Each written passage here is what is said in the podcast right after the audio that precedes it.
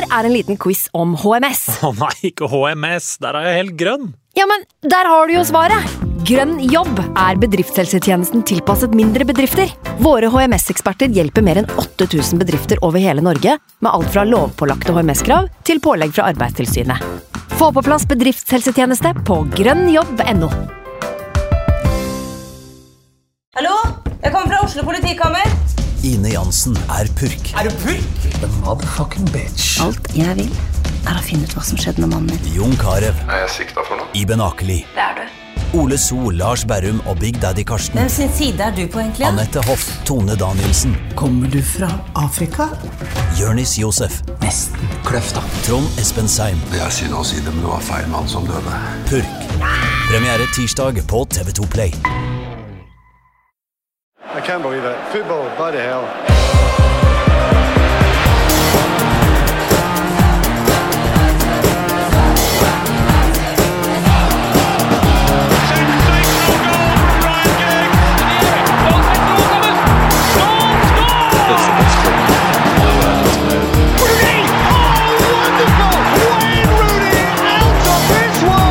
was when I was in Manchester. Sheringham.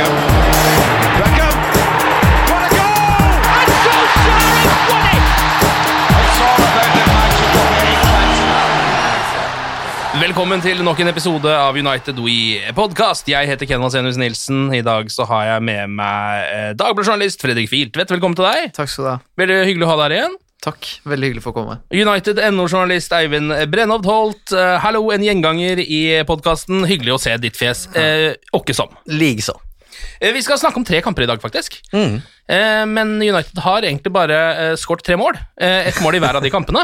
Så det er ikke så mye eh, vi skal analysere, men vi skal nå gjennom to kamper mot Milan og én eh, kamp mot eh, Westham. Tenker at Vi kan ta det litt i kronologisk rekkefølge, så bruker vi lengst tid på den kampen fra i går, som kanskje var den mest interessante av dem også. Kan jo starte da med eh, Milan eh, på Old Trafford 1-1. Eh, Amadiallo skårer for Manchester United eh, i en kamp hvor Milan er best, eller Eivind? Ja, de var kanskje det. Det jo Det er jo en uke siden nå, det har skjedd mye, men um, Nei, altså jeg syns jo det hadde vært greit for så vidt om United vant den kampen eh, 1-0, Uh, og så skrur de jo litt av, egentlig, etter den skåringa. Det skjer jo egentlig ingenting. Ehm, og hadde det, hadde det gått, hadde de vunnet 1-0, så hadde de jo hatt et veldig godt utgangspunkt. Mm.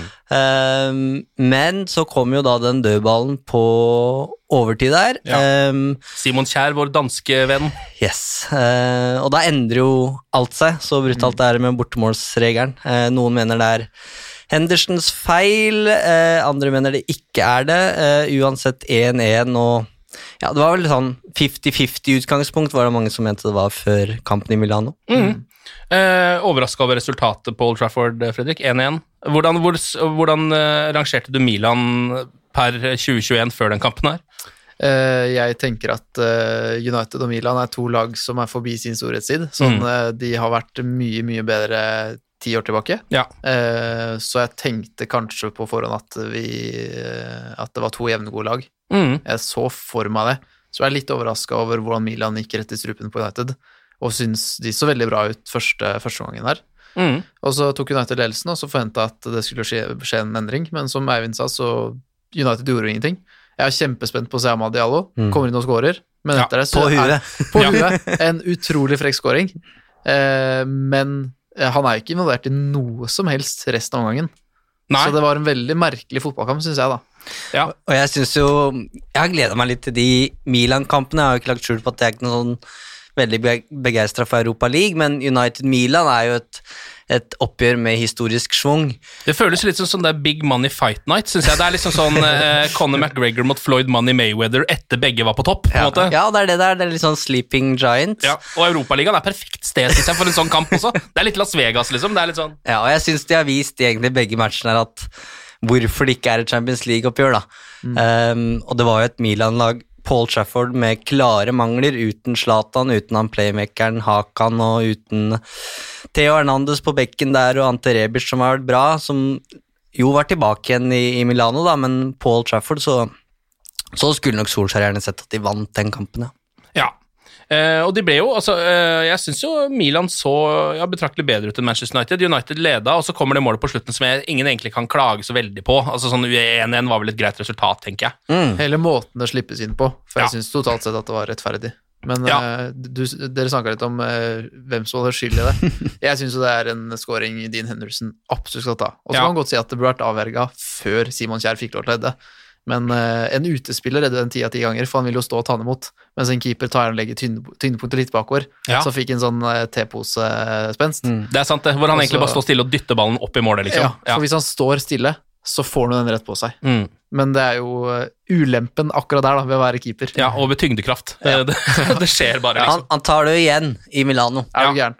Han gjør det. Absolutt. Ehm, men eh, til slutt altså en, eh, en helt streit resultat. Bruno Fernandes med en fin assist til Amadiallo eh, også.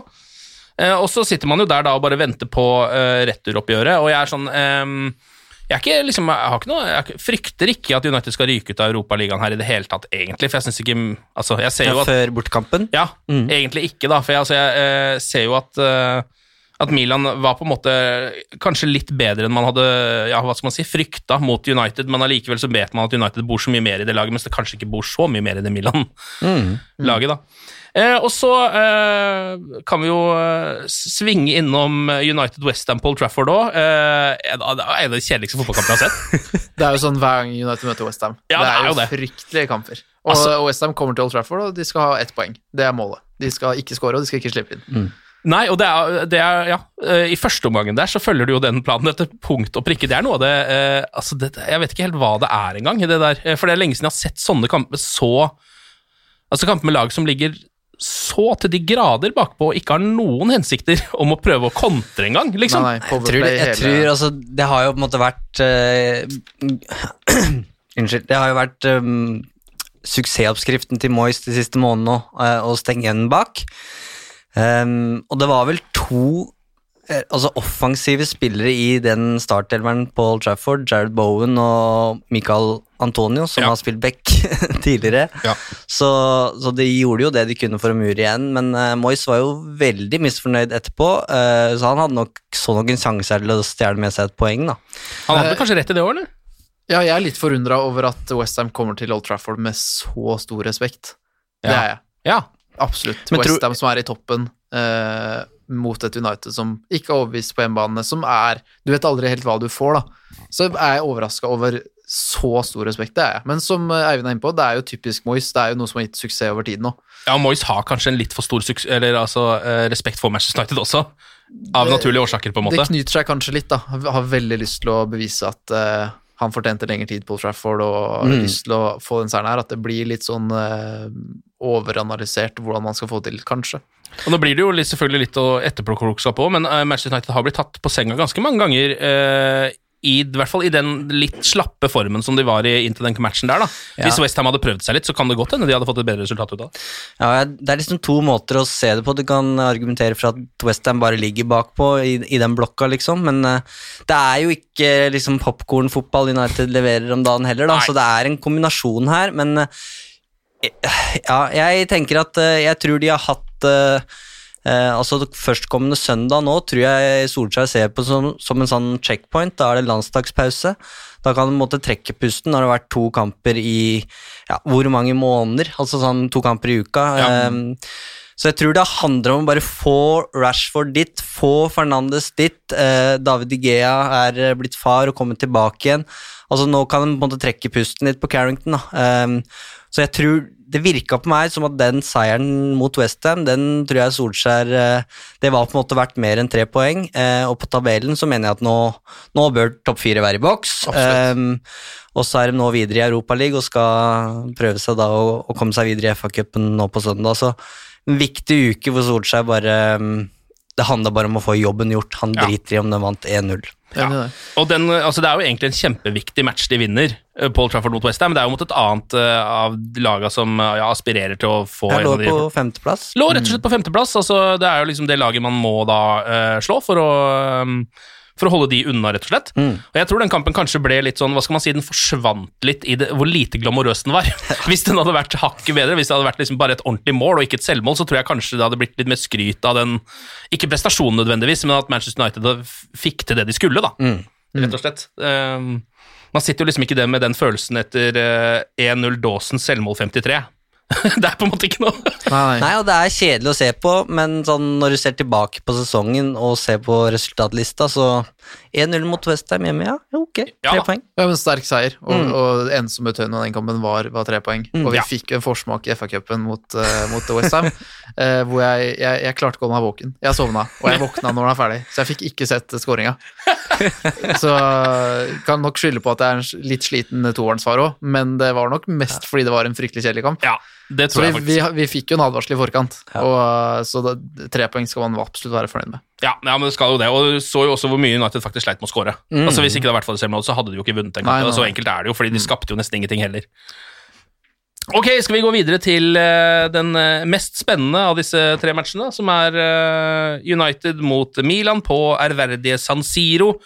En kamp som man går inn i med litt sånn historisk eh, sus. Ehm, og som jeg også er altså Da har Milan fått tilbake Theo Hernandez, en av de beste spillerne på laget deres, venstrebekken, som jo også spilte en bra match. Eh, Frankessi er jo i form.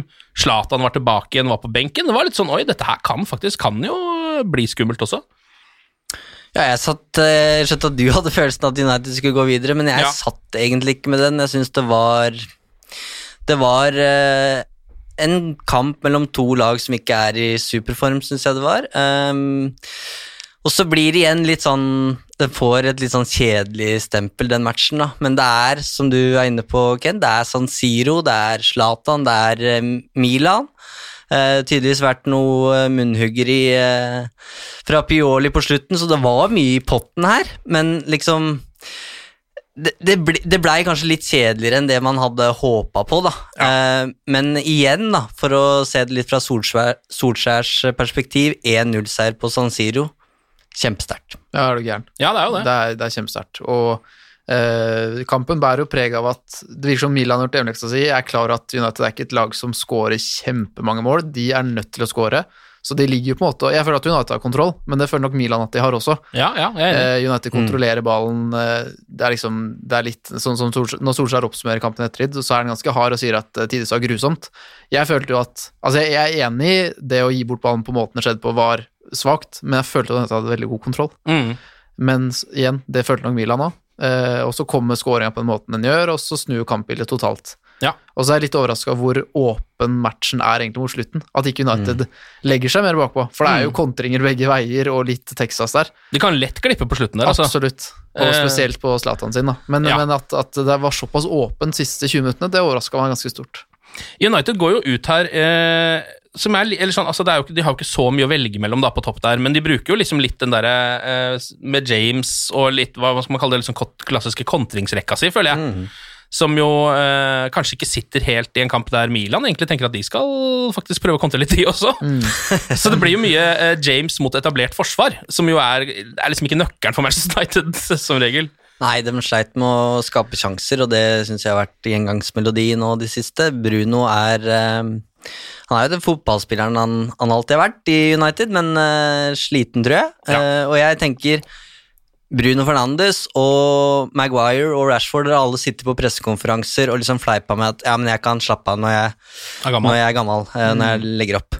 Og det er på en måte musikk i øra til Solskjær. ikke sant? Vi husker Cristiano Ronaldo, han skulle spille alt og blei indignert hvis han ble bytta ut. Eh, Men det er jo på en måte Solskjærs ansvar òg, at spilleren er 100% Det hjelper ikke at Fernandes sitter i januar og sier 'jeg blir ikke sliten', og så kommer vi til mars, og så er han dritsliten fordi kroppen skal spille 90 minutter ganger to i uka.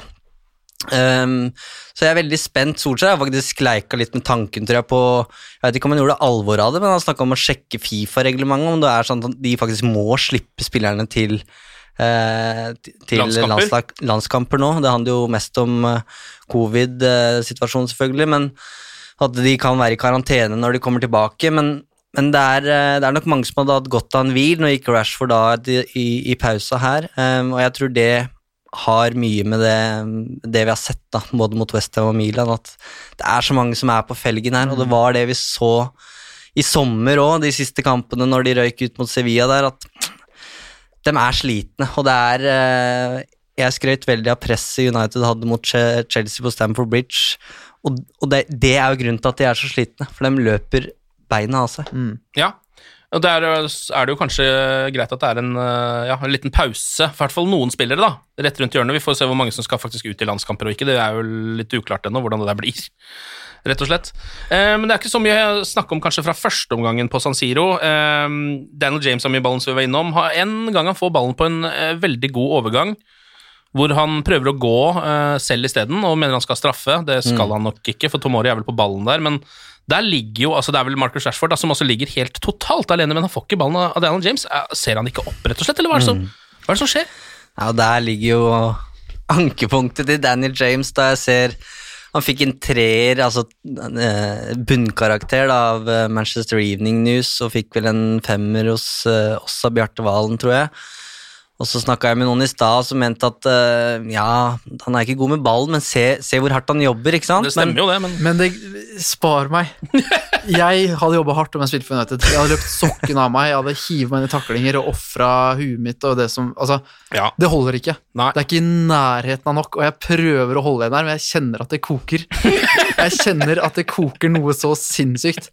Fordi hvis United hadde hatt gode fotballspillere offensivt på sin høyre side, så hadde de vært et kjempebra fotballag. Ja. Nå er de gode, men de er ikke i nærheten av den øverste eliten. Nei. Fordi de har ingen høyreside offensivt. Nei, og det her blir jo litt ekstra rart i første omgang på San Siro, for da spiller de faktisk sånn som Nå telte jeg ikke opp, altså, men jeg hadde følelsen at da spiller de mest på høyre. Og det er jo sikkert fordi at Rashford er jo utslitt og nesten skada ut på venstresida der, så han er det jo lite initiativ å hente fra, sannsynligvis. Så alt det initiativet du får, er fra James. Men jeg det, syns jo også da at du, du ser at når det er masse rom på høyresiden, og Bruno kan vri det, så, så tenker han seg om et par ekstra sekunder. Ja. Skal jeg gå for det alternativet der? Jeg vet jo at det ender opp i balltap eller en støttepasning til syvende og sist. Ja. Og det er ikke det at jeg har noe imot Daniel James. Han har vist god form og riktig innstilling og sånne ting, så jeg har ikke noe imot han. Jeg bare syns ikke at han er god nok til å spille fast for Manchester United. Nei. Og du ser den der, det eh, eksempelet du tar opp med når han og Rashford kommer alene. Selvfølgelig skal den ballen slås. Og det hender at Si at det var Sancho som spilte der, da. Kan Sancho ha gått selv, han òg. Men i langt flere tilfeller så ville han skapt noe. Han Mm. hadde putta eller hatt en målgivning til sist, da, for han hadde utfordra to mot én. Men, men pasningen til James kunne like gjerne blitt snappa opp. Hadde ikke, den hadde sikkert ikke hatt god nok presisjon eller kraft. Så Nei. jeg tipper at der hadde det svikta uansett. Rett og slett fordi han ikke er god nok. Så kan at han utvikler- seg til å bli det, men Mm. nå er han ikke i nærheten på det området der. nei. Så er det litt sånn Um, Jeg tror egentlig Danny James var tiltenkt, tiltenkt en sånn spesialistrolle som Mourinho brukte seg mye, benytta seg mye av. Eh, han er jo en kontringsspiller, har vært god borte mot City før, f.eks. Så jeg tenker at Solskjær kanskje har tenkt seg at han skal være en eh, holdt på å si, Han skal være overraskelsen i elveren da, i noen av de stormatchene, og det har han jo vært. Men nå har det vært så mye skader at det har ikke vært noe alternativ. Og da i de kampene hvor United skal, eh, eller får mye, har mye ball, og skal være mye på motstanderens banehalvdel, så er det ikke noe rom å løpe i. Og det er jo så enkelt som at touchen hans er rett og slett ikke bra nok. Pasningene, innlegga, skudda er ikke gode nok. Ja. Uh, og du er inne på utvikling, uh, Fredrik, men han er jo 21-22 år. Ja, ja. Jeg, jeg mener bare at Ja. pilene peker i retning, men jeg tror det, jeg tror ikke det blir noe Nei, for du, du, kan ikke, du ser ikke en Sancho in the making her. Overhodet ikke. Eh, Jeg ser ikke det. Så selv om han er relativt ung, så tenker du ikke at her er det et enormt potensial som United kan utvikle videre. Jeg prøvde bare å balansere det litt. Ja, det er det, er det vi prøver. vi gjør det så godt vi kan. Ja. Men eh, nei, igjen, det er jo en kamp som gir eh, James-kritikerne ny ammunisjon. Ja, og egentlig så, altså Hvis eh, situasjonen bare hadde vært sånn som den vi snakker om nå, som, den er, som vel egentlig er den sånn som Solskjær vil ha det, da. At James er egentlig en impact player, liksom, en eh, spesialist som man kan sette inn på høyre, og kanskje um, sette inn der når man skal kontre. Kanskje starte med i noen kamper for å overraske, rett og slett. Um, så da er det jo egentlig liksom, det er på en måte ikke James skyld at han spiller nå, for det skal han egentlig ikke gjøre. Han skal på en måte egentlig uh, ikke spille så mye som han gjør. Så det er skadene sin skyld at han gjør det, da. Og så var det noen som gjorde et poeng på Twitter at uh, Det kan folk telte til slutt, men det virka ikke som Bruno Fernandes var så interessert i å finne James og sende ballen til han. Og da begynner du jo å snakke kontraproduktivt, da. Hvis det er sånn at lagkameraten ikke stoler Eller veit at det, det skjer ikke noe hvis jeg sender ballen den veien. Og det er jo synd. ganske oppsiktsvekkende på det nivået her. Ja. At én ting er uh, når jeg spiller på scoreball i femtedivisjon Mm. mm. breddeklubben der, at det, er- det er ikke alle som kanskje trenger ballen like mye. Men når du tenker sånn når du spiller for United, så begynner det å bli ganske oppsiktsvekkende. Ja. Jeg er helt enig. Ronal, Ronaldo van Nistelrooy hadde litt den, men det var av andre grunner. Ikke sant? Ja. Det var bare fordi begge visste at de kunne gjøre dette her Ja. ok, men United går inn til eh, pause på 0-0 på San Siro. I pausen så går altså Rashford um, noe overraskende ut, og Pogba kommer noe overraskende inn. Mm. Og det viser seg å være uh, akkurat det som vinner denne kampen for Manchester United. Eh, Paul Pogba kommer inn på venstreving, faktisk. Ja. Og spiller der ut kampen, i hvert fall etter uh, det jeg selv fikk med meg. Ja, og jeg har vel vært ute i seks uker eller noe sånt nå. Ja, Og markerer seg etter to, to og et halvt minutt, og det er jo det er en fin scoring. Eh, smart. Mm. Han har jo den touchen som James ikke har. Um, men jeg syns jo at de, altså resten av omgangen, de 43 andre minuttene, er også veldig bra, da. Mm. Mm. Så det var for meg Jeg syns ofte det er, Pogba trenger litt tid på å komme tilbake igjen, men eh, det her ga jo Med tanke på det vi har snakka om, eh, med å komme seg til den mars-checkpointen her, så er den, det Pogba-comebacket det er sånn du håper kan være en boost inn i når vi kommer til april. da. Mm. Og han øh, får jo veldig altså stor impact fra den venstrevingen sin også på Pogba. Ikke bare målet, som jo egentlig er det sånn Først et ganske fint angrep, langt angrep på Manchester United. Eh, så er det vel James som kommer til avslutning, som blir blokka. Fred driver og fighter litt og surrer litt inni feltet der. Prøver på noe hælflikk og Ja, jeg holder på litt, liksom. Bare Ja. sånn, ah, står og kjemper litt. Eh, ballen lander hos Paul Pogba, og det er den beste mannen ballen kunne landa hos. Fordi han har jo de eh, altså, kaldheten da, i årene som gjør at han tar en liten skuddfinte eh, og ser at han kan bare sette den opp over keeperen. Eh, gjør det, og det er mål. Det der hadde veldig mange av United-spillere akkurat nå som ikke er helt i målform, bare skutt på første og blitt blokka. Det er jeg 100 sikker på. Det hadde James gjort, det hadde sikkert Greenwood gjort, Rashford hadde i hvert fall gjort det. Eh, Martial er jeg litt usikker på hva han hadde gjort, kanskje vente opp og prøvd å gjøre noe andre greier. Bruno hadde en ganske fin sjanse fra 16 han òg, som Ja. traff eh, øverste rad. Så eh, hadde ikke finstilt sikte helt, han heller. Nei, Så er vel den Pogba-skåringa litt heldig. Den treffer kneet til eh, i, min, I mine øyne. Så gjør den det? Når han setter den opp? Ja. Ok. At den, eh, jeg jeg syns det ser ut som Pogba sitter mer i det andre hjørnet. At Oi, ok. den får en deflection.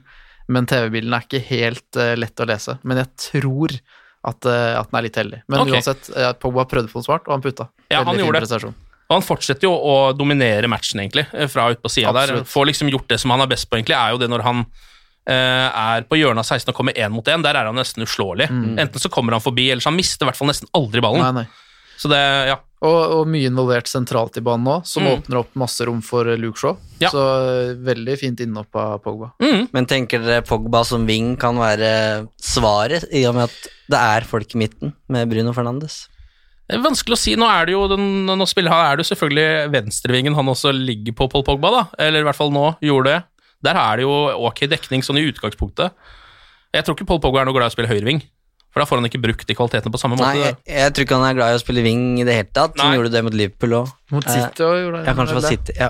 Eneste jeg tenker at han Begge, både City og Liverpool spilte Ja. en venstrekant, og da begynte Solskjær å på en måte forsvare det. Jeg husker ikke hvordan han argumenterte for det, eller forklarte det, men at det var et eller annet med at eh, Paul trives i den rollen der. Ja, jeg er ikke helt sikker på om det stemmer. får kanskje litt mer offensivt offensivt kreativt arbeid. Altså trenger ikke jobbe så mye hjem, da. Og så ser du at han, han oppsøker jo eh, mellomrommet sentralt veldig Han- ofte, og det er jo fordeler og ulemper ved det. da. Det, United overbefolker og kan ha småspill her inne, men også det er jo der Bruno trenger rom for å få Ja. slått disse geniale stikkerne. Ja. Så det kan være at de slår litt i hjel hverandre, Mm. men du ser også tidvis at det fungerer veldig bra. Det er Ja. da kombinasjonsspillet og flikkene som kommer, Mm. men du tar nok noe av dimensjonen fra Bruno samtidig. da. Ja, for, det, for meg virker det litt som en løsning som Jeg vil så gjerne ha Paul Pogba tilbake, og ja, der er det plass, ute på venstre. Ja, ja, ja. Litt sånn, eh, men eh, for all del, hvis det funker, kjør på. Men jeg, jeg håper jo at det skal være plass til begge to sentralt.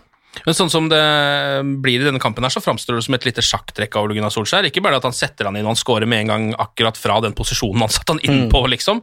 Men også det at han fortsetter å dominere kampen og egentlig eh, vinner kampen for Manchester United fra den venstrevingen, da, delvis. Ja, ja, ja. Eh, Så det er jo eh, Ja, jeg vet ikke om det, er, om, om det er som du sier, at det er litt på slump, eller om det er noe han selv har sett at der kan vi faktisk gjøre noe. Det er vanskelig å si, men Nå er det skade på Rashford, da. Ja, eller han tok ham vel ut for å unngå at han skulle bli ordentlig skada, var det ikke det? Det var i hvert fall en smell som gjorde at de gjorde det byttet, Ja. visstnok. Mm. Eh, så får vi se. Men eh, Men det ville jo, ja, i hvert fall da ville ikke jeg, hvis jeg hadde sittet og spilt FM, som er det vi pleier å trekke fra meg, så ville jeg sikkert ikke satt inn en fyr uh, out of position. Jeg ville vel satt inn en ja, jeg vet ikke om Diallo eller eller Diallo, ja, sannsynligvis.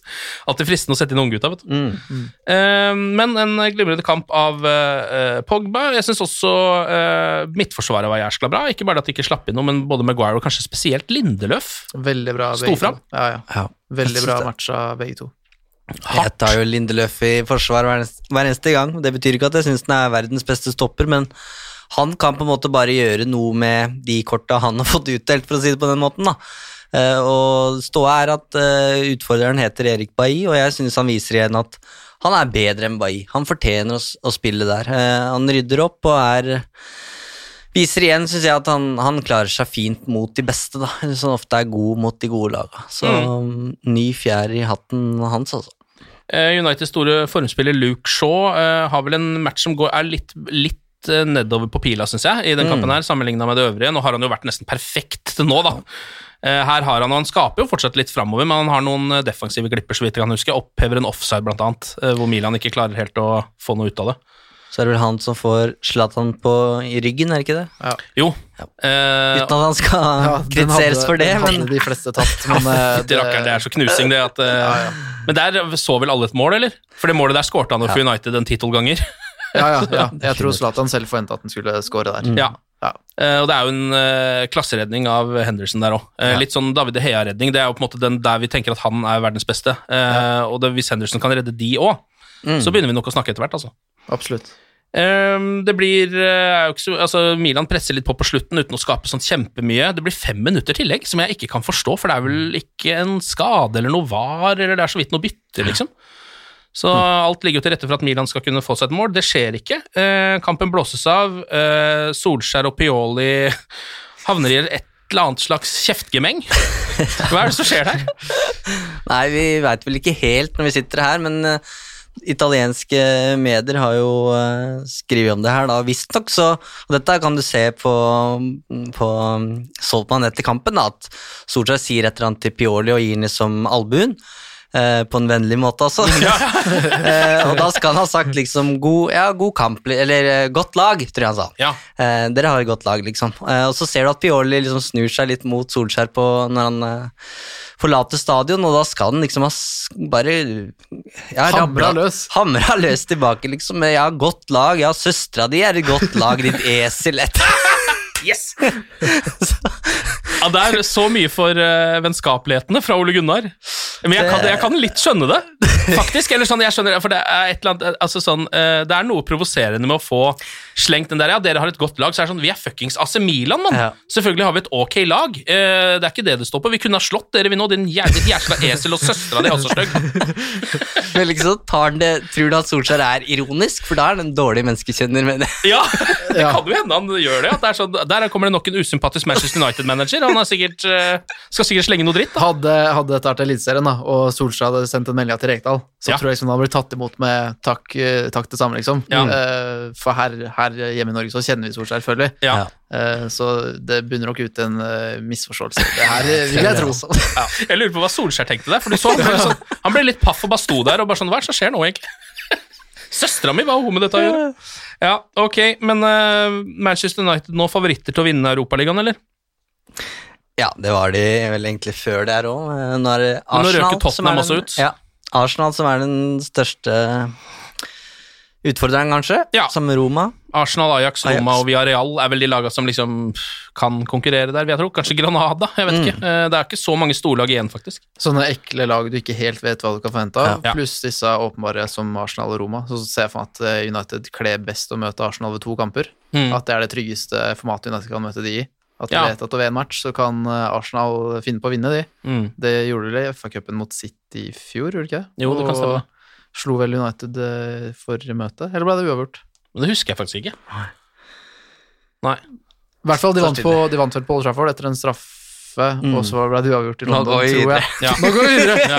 Jeg tror, du har rett, jeg, tror, ja, ja. jeg tror du har rett i det. Poenget er, jeg tror i hvert fall United kler to kamper mot Arsenal bedre. Ja. Ja.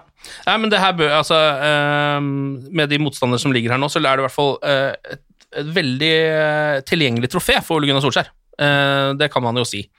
Og det må jo være et, det er jo et litt gøy trofé også. Selv om det ikke er Champions League, så er det et europeisk trofé som liksom det første. Det er, det er godkjent, det. For en Jeg må jo si jeg syns Solskjær har blitt uh, veldig god på å spille av press, uh, altså mediepress.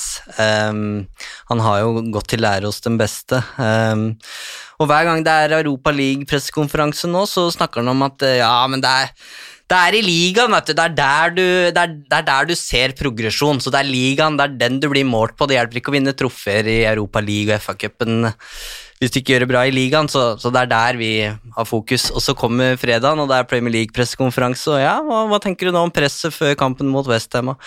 Ja, nei, vi tar én kamp av gangen, og så Det er Milan-kampen som betyr ja, noe nå er det, altså, ja, ja. det er Milan neste uke, så nå må vi tenke fram mot den. Så han er veldig god på å mm, Han, gir, han er jo ikke en sitatmaskin, akkurat, men eh, men uh, blitt veldig god på å rett og slett spille av press eh, før de matchene her. Vanskeligere og vanskeligere å lage gode overskrifter Ja. når Solskjær har pressekonferanser. Og Ja. det, det er jo en kunst, det. Ja, det er han sant, vet det. hva han driver med, og som Eivind er inne på, det å spille av press. Og jeg syns absolutt han har et poeng med det han sier om at uh, trofeer forteller ikke nødvendigvis hele sannheten. At Mm. havner du som nummer ti i Premier League, men vinner FA-cupen, så er ikke laget nødvendigvis på framgang, da. At, uh, så om det var et stikk mot uh, diverse herremenn uh, i kombinasjon med å spille av press, det, ja, det tror jeg. Ja, Ja. ja altså, men det er jo, han har jo litt altså, Ikke bare rett i det at det ikke bare er trofeer, men det kan jo nesten være litt sånn skummelt å Hva skal man si få eh, Eller å få framgang som ikke egentlig bunner helt ut, eller som er litt falsk framgang, da, som Ja. noen ganger skjer, sånn som med Tottenham, f.eks. Mm. Kanskje litt falsk framgang med den Champions League-finalen, og viser seg hvor, hva den troppen er nå. Hvis du skjønner hva jeg mener. Hvis det ikke hadde vært i den finalen, så hadde nok Pochettino fortsatt sittet der og holdt på med den skuta sakte, men sikkert, og fått det til å gå oppover sakte, men sikkert. Ja. Istedenfor at det blir liksom sånn Oi, vi er jo et av eh, Europas to beste lag, vi nå, nå må vi jo få inn Mourinho. På en måte. Ja, det var jo liksom Van Gaal fikk jo sparken eh, si, med FA-cup-pokalen i handa omtrent. Ja. Eh, Mourinho starta jo så bra med Europa League og Ligacup, og du tenkte ja, men nå har vi fått inn en, en trofégrossist her, så nå, dette er jo bare starten, mens det var jo tydeligvis toppen, ikke sant? Og så gikk det jo nedover, så absolutt et poeng, og så tror jeg samtidig at Solskjær er jeg tror han er så Han veit jo hva, det, hva pokaler betyr da, i Manchester United, og jeg tror han er så gira på et trofé, eh, selv om det er Europa League eller FA-cup. Eh, og jeg syns du ser det òg med det laget han stiller i Milano, da, at han mener jo alvor. Han, han vil jo at de skal gå, gå, og, gå videre til kvartfinalen i Europa League. Han har ikke lyst på nok en exit i en semifinale. Nei. Og så, så kan han si at uh, trofeer forteller ikke nødvendigvis hele sannheten, men i Solskjærs tilfelle om dette prosjektet, så tror jeg at trofé er det neste steget Solskjær trenger, og det er ganske fort. Ikke fordi det er snakk om sparken, men det å ha med seg alle spillerne og importer uh, videre, da. Mm. At, uh, at det begynner å på en måte bli en sånn Nå er det neste naturlige steg, da. Ja. Og forde, fordelen nå er jo at de har eh, fått en liten luke i, i ligaen. Ehm, og poenget med at det, det er i ligaen du teller pro progresjon, handler jo om at så lenge du er i topp fire, så har du sikra deg et godt utgangspunkt for neste sesong, mens det, det å gå til en Europaliga-finale, det er jo gambling, i og med at du kan stå igjen uten noe som helst. Absolutt. Ehm, ok, eh, United har jo faktisk også fått sportsdirektør siden sist vi hadde pod. Eh, kom litt ut av det blå. Dette her har vi jo snakka om i mange år. Siden vi starta opp den podkasten her, så har vi drevet og slengt navn oppi potten. Og så kommer det bare sånn helt ut av det blå. John Murtow heter han. Aldri hørt om han. Har vært i United siden 2013. Kom med David Moyes som en sånn sportsviter, ehm, og har blitt uh, værende. Eh, og får mye av, eller får egentlig det meste av æren for å ha eh, jobba, eh, gjort den forvandlinga med akademiet som har skjedd de siste åra, og vært med å etablere kvinnelaget.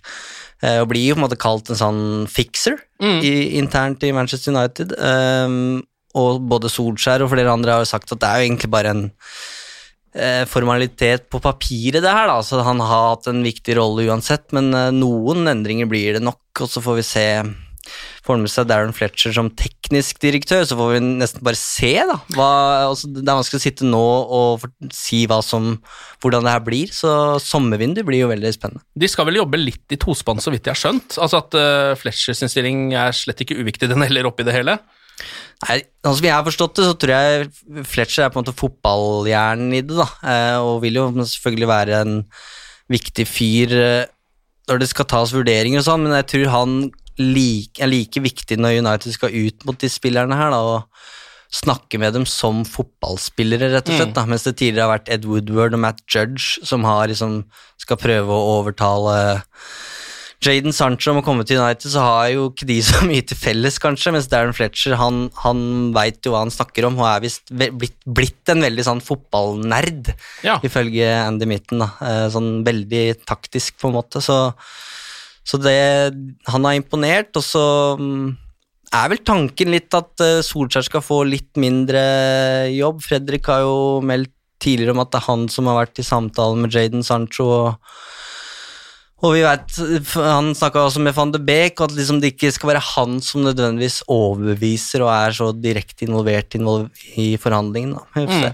Vi som, som vi snakker om, vi vet jo ikke hva slags type han John Murtow er ennå, men jeg ser for meg at det viktigste er, på en måte er at uh, Woodward og Matt Judge sakte, men sikkert forsvinner mer og mer. Nå vet jeg ikke om Judge fortsatt vil ha noe med dette, men i hvert fall at Woodward får mindre og mindre med spillelogistikken å gjøre. Mm. At han er en uh, utrolig dyktig businessmann, er det ingen som betviler. Mm. Men så kommer det til det sportslige, uh, hvor vi sommer etter sommer ser at det svikter på overgangsmarkedet. Uh, så at det kommer inn fotballfolk der, som kan snakke fotball med folk, som Eivind Mm. sier, eh, tror jeg blir veldig viktig. Det er jo eh, interessant at han er altså at Murtaugh er liksom en overlever fra Moyes sitt regime. da, altså Ja. En som har vært gjennom flere tronskifter eh, og fortsatt ikke mista hodet. Det pleier jo å være Sånn er det ikke i Game of Thrones, i hvert fall. Altså, med en gang kongen dør, og det kommer en ny konge, så er det da fortsetter ikke, det, fortsetter ikke The Hand of the King. eh. Sjefsspeideren til Solskjær er jo Hun kom fra van Gaal-tida. Så Ja. Så nå begynner vi faktisk å høste fruktene av alle disse tronskiftene som vi har hatt opp igjennom her. noen flinke folk der, i hvert fall, som var innom.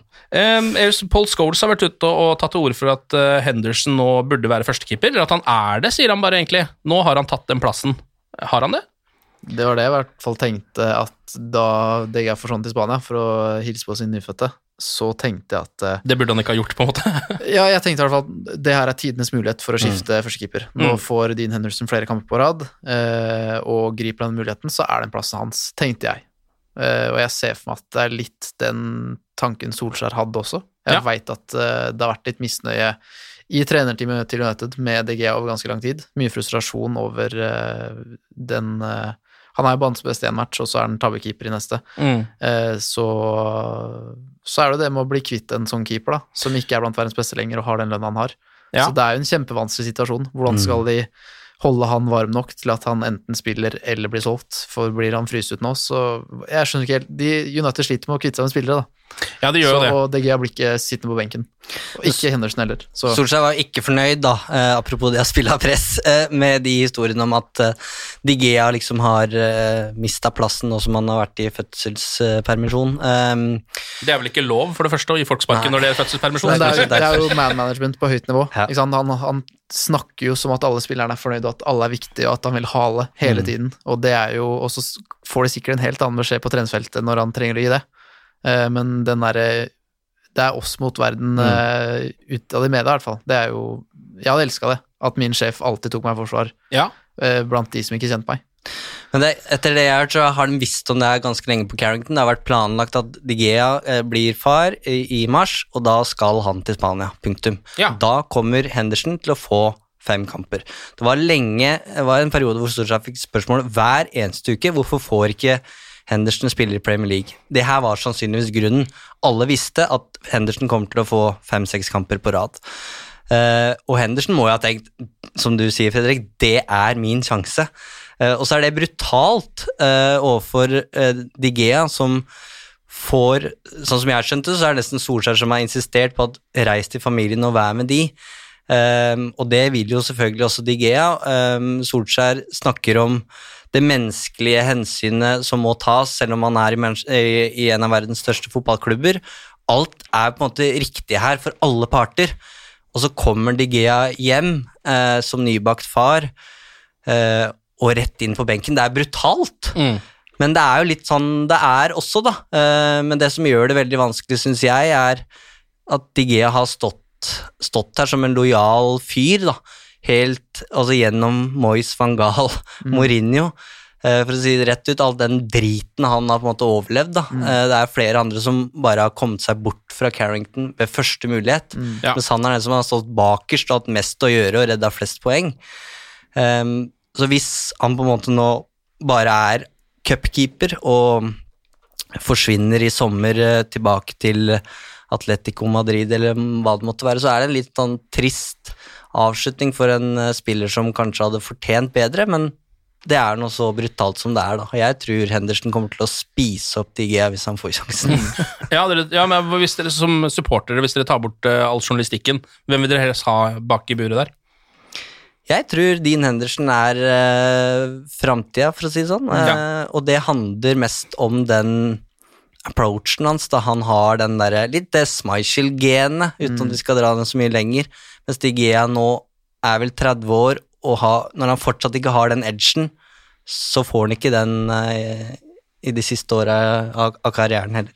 Syns, jeg syns De Gea har blitt mindre og mindre ekstrem også, da. Uh, mer og mer normal keeper, og eh, baklengs mot Everton på overtid, så er det sånn at en Dean Henderson har sannsynligvis hivet seg inn og blitt skada i den situasjonen for å hindre Mm. baklengs.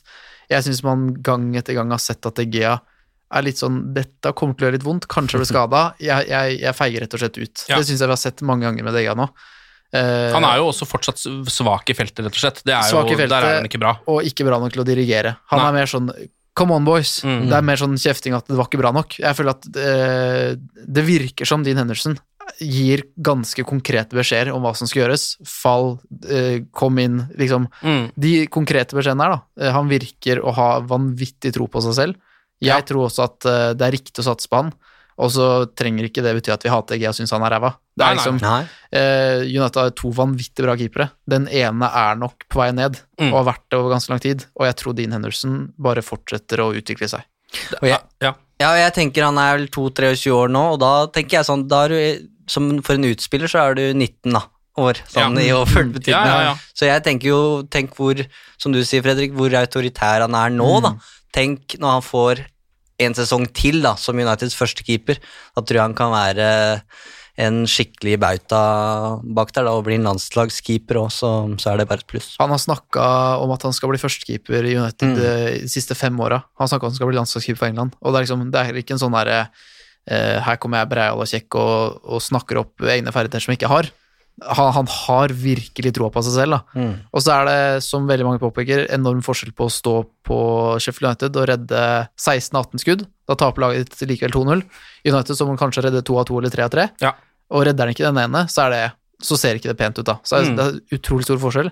Men nå beviste han senest eh, mot Milan at han klarer å holde nullen i en match der han må fram med to-tre gode redninger. Eh, og han dirigerer og involvert en scoring mot City og sånne ting. Ja. Eh, jeg syns det ser veldig lovende ut. Jeg er enig, han er bedre i feltet, og så er han jo bedre på igangsetting. Eller i hvert fall sånn umiddelbart så ser man det, da. Eh, I tillegg så begynner han å ta, trekke fram noen av de reaksjonsredningene som David Hea har gjort i eh, 10-20 år. Så, da, så da ser det jo bra ut. Og det er jo et eller annet med fotball òg at eh, ofte så hvis man sitter på et eller annet som man ser som man tenker som dette er framtiden, så er det ofte også nåtiden. Eller da er det ofte lurt å bare begynne nå, egentlig, for framtiden den kommer, den, men bare begynn nå. Kjør i gang. All right. Um, en litt god nyhet, eller det er jo ikke nødvendigvis uh, god nyhet, men det er jo litt uh, gøy at um, United nå altså har ehm, Eller Uniteds tropp har blitt kåra til den mest bærekraftige i uh, Europa. Eh, jeg vet ikke om dere fikk med dere det her, det er International Center for Sports Studies, som ligger i Sveits, eh, som da har sammenligna alle laga i de fem største ligaene i Europa, eh, sett på verdi på spiller, alder, tid i klubben, kontraktlengde, alt mulig rart. Sikkert eh, kvalitet på spilleren over, vil jeg tro. Og så har de da kommet fram til at Manchester United eh, sin er den som kommer til å ja, vare lengst inn i framtiden. Det er vel det bærekraften går ut på her. Ja. På andreplass har du Real Sociedad. Uh, Atletic eh, Bilbao ligger under der. Så kommer da tre engelske klubber, Tottenham, City og på sjetteplass Liverpool. Uh, Det er umulig å vite hva, hva man skal legge i dette, men uh, det betyr jo at Solskjær sannsynligvis har gjort en ok jobb. Ja, at han har en slags solid tropp, da, selv om det er eh, spillere der som skal bort i Romero og Jones og sånne ting etter hvert. Jeg tror ikke de gjør det så mye mindre bærekraftig. Nei. Men når vi ser invester Du har jo dekka dette ganske godt, eh, Eivind, med, med akademisigneringer og til U-lag og sånne ting. Eh, Det er jo noe Solskjær virkelig har tatt tak i personlig. Eh, Så at det på en måte det bygges der nede. Det bygges junior, eh, reservelag, det bygges A-lag. Mm. Eh, Så det gjør litt mening at Mm. det har vært en progresjon der. Og så tror jeg ikke vi skal tenke at eh, jo, om tre år så er United verdens beste lag fordi at de gjorde det sånn og sånn, men at det her er en viktig del av utviklinga, og så må det spes på med importer, eh, Sancho, Mm. Haaland, Ja. Cirka Bøye kommer på, selvfølgelig, men det er også nødt til å skje. Men eh, jeg syns jo det ser veldig balansert og fint ut, og langsiktig. Ja, og i den forbindelse så har de jo signert tre spillere. Den, eh, eller fått gitt tre kontrakter til Hannibal og svenske Anthony Olanga og Teden Menji, som er på lån hos Rooney Derby. Så, Mm. Og Solskjær er jo da avbilda i alle tre bildene, eh, og som noen sa Det ser ut som det er Solskjær som har fått kontrakt, for han var så innmari glad, men eh, Solskjær er involvert, og apropos John Murto, som vi snakka om i stad, det var han som var med Hannibal til eh, Oslo. Eh, da United møtte Kristiansund, så var det, så var det da den nåværende fotballdirektøren som, som var med Hannibal. Så, og han er jo da det du kan kalle en slags kulturbærer, da. det er jo derfor de egentlig har droppa en ekstern ansettelse, sånn som jeg skjønte det. at hvis man hadde henta inn Ralf Ragnhild, så får du en som som har lykkes med prosjekter i Tyskland og sånn, da, eh, og som kan faget sitt. Er det fra Eh, Red Bull-systemet, holdt jeg på å ja. si? Mm. mens med, med, med John Murtle så får vi en som allerede veit hva cultural reboot-prosjektet til Solskjær innebærer, da.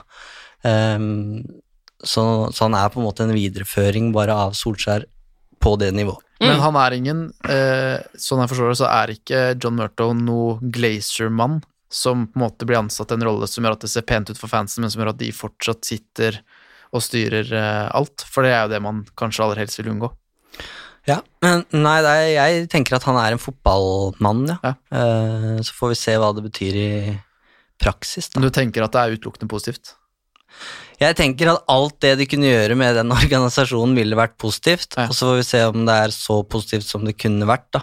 Men når alt kommer til alt, så er det jo Glazer som bestemmer. Det er jo sjefene, så men om det er de som skal trykke ja eller nei når Murto har forhandla fram Sancho til 100 mill., liksom, det, det er vanskelig å si. Mm.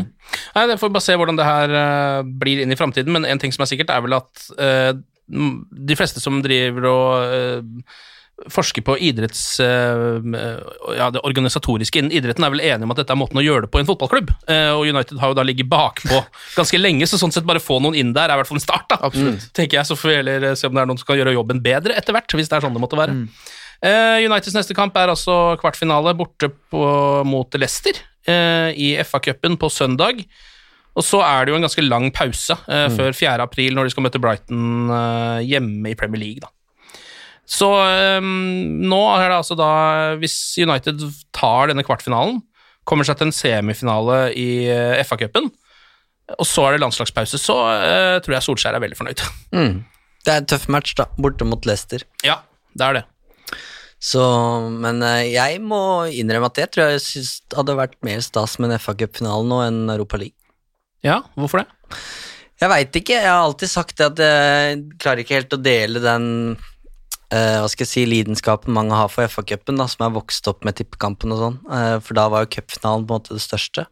Så har det ikke vært det de siste åra, men jeg føler at Europa League, der har United vært. Eh, jeg var sjøl i Stockholm, men det er mange som sier at det var en sånn helt sinnssyk United-kveld, liksom. Men det, akkurat for meg personlig så, så var ikke det. Men, men eh, Nei, jeg veit ikke. Jeg syns det er på tide med en FA-cup uh, igjen. Ja. Jeg, var, jeg var ikke i Stockholm, men jeg deler uh, Hvis jeg tolker deg riktig, så deler jeg den opplevelsen at uh, for meg personlig så var- tenkte jeg at eh, Europaligafinalen for United denne sesongen her var viktig kun fordi den ga billett til Champions League. Ja. Mm. At eh, når det ble løfta pokal og sånn, så var det sånn Er de glad for pokalen? Jeg, jeg syns det bare er viktig med Champions League her. Ja. Og så er det nok det fordi jeg som United-supporter født på 90-tallet, så er du ekstremt bortskjemt. Ja. Så det er sikkert mye av det inni her òg, men eh, enig i at eh, FA-cupen henger høyere hos meg personlig enn enn å vinne B-lagsturneringa i Arvika.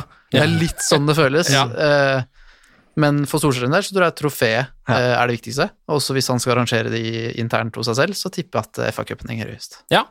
Eh, de har i hvert fall muligheten til å spille med altså Nå har det jo fortsatt noen skader, selvfølgelig. Eh, Jeg vet ikke helt hva som skjer med Edison Cavani. Eh, er han Altså, han eh, Nei, det er ikke godt å si, fordi han eh, Han skulle jo være med nå, egentlig. Han skulle være med, og så kommer kontrabeskjeden om at uh, han er ikke med likevel. Jeg har fått en reaksjon på forrige trening, um, og jeg syns vi nå har sett litt det- Det var noen uker hvor det ble snakka om at ja, men nå er Kavani førstevalget foran Martial, og det er jo for så vidt greit, men eh, jeg synes de ukene etter det igjen så har vi fått se at det er ikke noen bærekraftig utvikling, apropos bærekraftig lag. Eh, for han er 34 år, og den kroppen holder tydeligvis ikke. Eh, jeg syns det er tydelig at Solskjær på pressekonferanser har egentlig sagt at eh, han venter på grønt, gult eller rødt lys fra, fra Kavani om kroppen er ok. Ja, altså da- ikke fra medisinsk personell, men Nei. fra Kavani selv. og det er jo greit. Van de Sar kunne jo trene så mye han ville under Ferguson. Liksom. Han fikk det ansvaret, og Kavani kjenner sin egen kropp og får tydeligvis si tommel opp eller ned. da. Men uh, det har blitt litt for mange tomler ned, da. Uh, og så har du alle de ryktene fra Sør-Amerika samtidig, uh, som gjør at du tenker litt på om han Noe av grunnen skal jo være at han ikke trives pga. den rasismesaken og sånne ting. Så det, er, det har ikke vært et sånn problemfritt opphold i Manchester United foreløpig der. Det er ikke noe Jeg syns ikke det er Solskjær snakker om at det her er Vi ønsker å forlenge, men jeg, jeg ser ikke helt at det kommer til å skje. Det kommer ikke noe godt ut av at Solskjær sier at uh, dette forholdet avsluttes i sommer. Nei. Det gjør du ikke. Så det er igjen uh, Jeg syns det er høyt nivå på måten Solskjær håndterer den situasjonen, da. Ja. Men uh, for å oppsummere så tror jeg vi kan tolke som at United sine leger og Kavani er uenige om hvorvidt han er frisk eller ikke. Ja. Det er sånn det fremstår, Ja. og det er vel i den retninga det peker. Ja, Som jo ikke er en sånn spesielt eh, deilig ting for en trener å på en måte høre, for han skal jo på en måte heller, Nei. nei, Skal jo egentlig kunne bare høre med medisinsk, og så er det sånn, ja, da får han, kan han spille. Ja, jeg syns Solskjær på en måte vektla det også, når han forklarte fra til Ja. At Kavani føler seg ikke klar. Ja. Det er ikke, han, er, han, han rakk det dessverre ikke. Det, det var ikke en avgjørelse vi tok i fellesskap, fikk jeg følelsen av at måten det blei formulert på. Ja, jeg er litt enig i det, faktisk. Men uh, siden det er på en måte uh, såpass lenge til neste kamp, så er det jo i hvert fall mulig å hive det som er, uh, ut der mot eh, Leicester, da, uten å risikere sånn kjempemye, tenker jeg. Altså, Han trenger ikke å tenke så mye på disposisjonene sine, kan godt spille med det beste laget han har. da. Pogba må inn. Pogba må spille. Det er vel det eneste som er helt 100 sikkert, at han må spille den kampen. All right, eh, Fredrik og Eivind, tusen takk for eh, praten, det var veldig hyggelig. Takk i like måte. Likeså. Og glory, glory.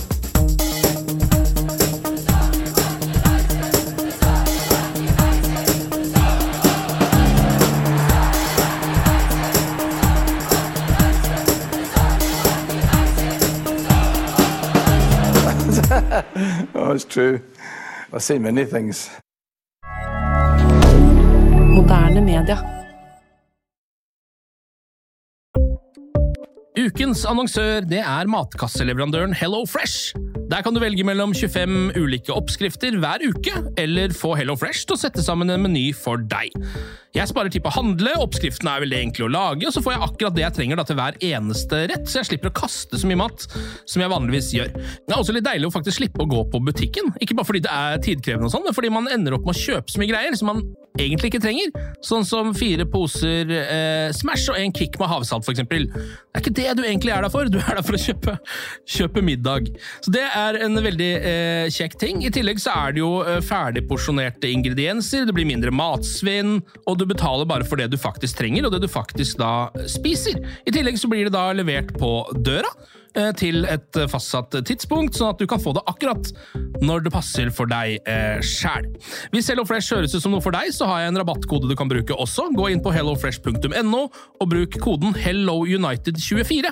HelloUnited i ett ord, også 24, og få opptil 1779 kroner i rabatt på de fem første matkassene dine hvis du ikke har prøvd HelloFresh ennå. Du kan også bruke koden hvis du tidligere har vært kunde, men har stoppa abonnementet ditt for tolv måneder siden eller mer. Det er ingen bindingstid, og du kan pause eller avslutte abonnementet ditt akkurat når du selv måtte ønske. Husk koden HelloUnited24, og bon appétit!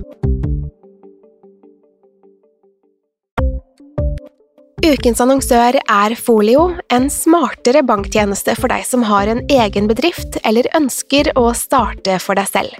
Folio er en superenkel nettbank for bedrifter. Som kunde i Folio får du en bedriftskonto med et bedriftskort og app. I denne appen er det smarte løsninger som forenkler regnskapet ditt, uansett om du har en liten bedrift eller et enkeltpersonsforetak. Folio er både intuitivt og brukervennlig, og er laget med et enkelt språk. I tillegg tilbyr de forutsigbare priser og ingen skjulte gebyrer. Skulle du likevel trenge det, så kan du snakke med deres raske og hyggelige kundeservice, og der får du prate med en faktisk person og ikke en chatbot. Folio er med andre ord både enklere og koseligere enn banken. Over 10 000 bedrifter har allerede valgt Folio som sin banktjeneste, så besøk folio.no og se hvordan Folio kan forenkle din hverdag også.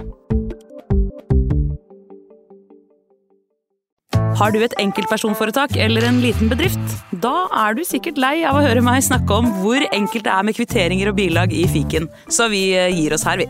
Fordi vi liker enkelt. Fiken superenkelt regnskap.